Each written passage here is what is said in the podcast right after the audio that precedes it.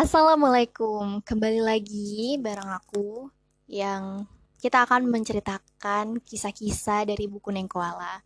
Kali ini aku akan mengangkat cerita yang judulnya Akhirnya Sekolah Bareng dengan Suami di Australia yang ditulis oleh Dia Hadi Setio Naluri. Langsung aja kita ke ceritanya. Kami bertemu di Fakultas Ekonomi Universitas Indonesia 10 tahun lalu. Dewa adalah senior yang gemar meracuni saya dengan pemikiran ekonominya. Ternyata di balik racun ada hal lain yang ia tawarkan. Hatinya. Selesai kuliah, kami bekerja sebagai asisten dosen dan bermimpi meneruskan sekolah ke luar negeri. Kami rajin mencari beasiswa, termasuk Australian Development Scholarship atau ADS di tahun 2002.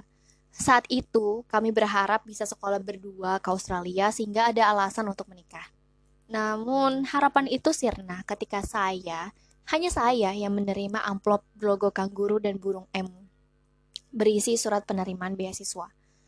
Karena akan berpisah, kami memutuskan untuk break aja sekalian. Untuk menguji apakah kami berdua memang berjodoh. Akhirnya saya berangkat ke Canberra pada bulan Juli 2003 dan menjalani hidup sebagai mahasiswa S2 di Australian National University. Sementara di Jakarta, Dewa terus bekerja sambil melanjutkan hunting beasiswa. Satu tahun berlalu, ketika tengah sibuk menyelesaikan assignment, tiba-tiba HP berdering. Dari ujung sana, Dewa mengabarkan mendapat beasiswa S2 dari pemerintah Norwegia untuk berangkat pertengahan 2004. Dewa lalu kembali melamar saya. Kali ini ditambah alasan agar kelak saya bisa menemaninya di Norwegia. Tanpa ragu saya menjawab, oke, okay, Pada Juli 2004, saya pulang ke Indonesia untuk menikah. Namun, 14 hari sesudah pernikahan, kami harus berpisah lagi. Saya kembali ke Canberra menyelesaikan S2, sementara Dewa berangkat ke kota As di Norwegia, menempuh studi S2 selama 2 tahun. Saya masih ingat bagaimana kami berurai air mata di Bandara Ngurah Rai. Uh. Setelah saya kembali ke Canberra, kami mulai berkomunikasi lewat telepon atau chatting. Kami mungkin sudah menghabiskan ratusan dolar untuk memberi kartu telepon dan pulsa internet. Pengorbanan ya, karena berpisah, berpisah jauh. Bulan Desember 2004, saya menyelesaikan program S2. Saya kembali ke Jakarta dan langsung bekerja. Niat menyusul ke Norwegia diurungkan karena beasiswa Dewa kurang cukup untuk hidup berdua. Selain Dewa sempat pulang ke Indonesia saat liburan musim panas 2005. Saya juga mengunjungi di awal 2006. Senang rasanya menemui suami di tanah Viking, meski disambut tumpukan salju setinggi 1,5 meter dan suhu minus 25, 25 derajat Celcius. I couldn't imagine. Itu pasti dingin banget. Pada pertengahan 2006, Dewa pun menyelesaikan studinya dan kembali ke tanah air. Setelah dua tahun berpisah, kami pun ingin cepat-cepat salting down. Kami membeli rumah di Depok dan mulai proses rumah tangga yang sebenarnya, tanpa bantuan Skype. Kami pun kembali sibuk bekerja, namun impian kami untuk sekolah S3 tetap menyala. Kali ini kami berusaha mencari beasiswa di negara yang sama. Kami kembali rajin hunting beasiswa, namun selalu gagal. Kami juga berupaya punya momongan, namun tak kunjung datang. Meski begitu, niat kami untuk sekolah dan punya anak tak pernah terhenti. Di penghujung 2008, kami dikejutkan oleh dua kabar.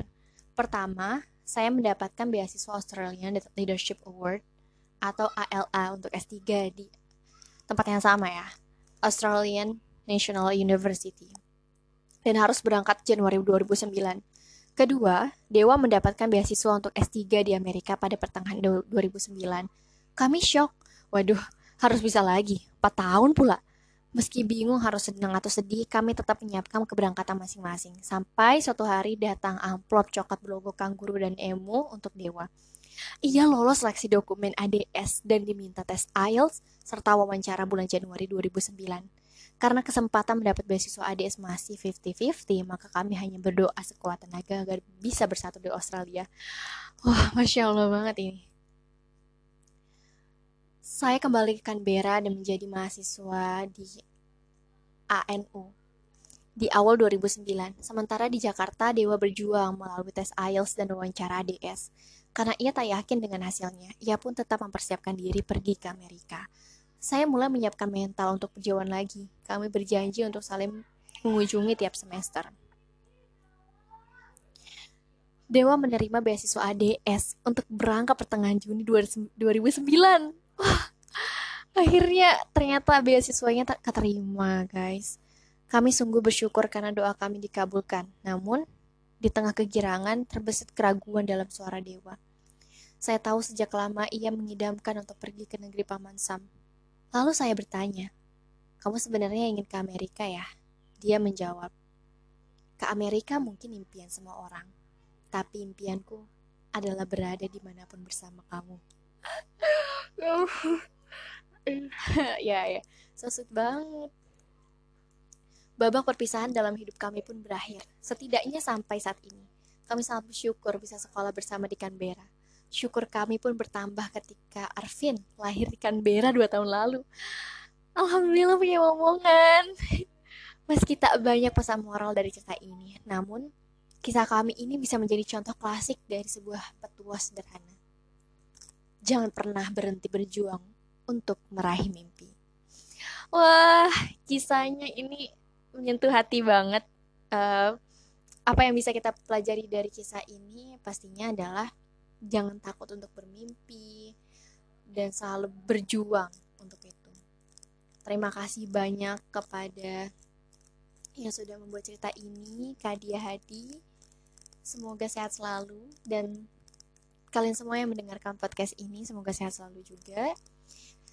Tetap patuhi protokol kesehatan selama pandemi ini. Sekian dari cerita-cerita Neng Koala. Kita next di pertemuan selanjutnya, di obrolan yang lainnya. Sampai ketemu. See you. Wassalamualaikum warahmatullahi wabarakatuh.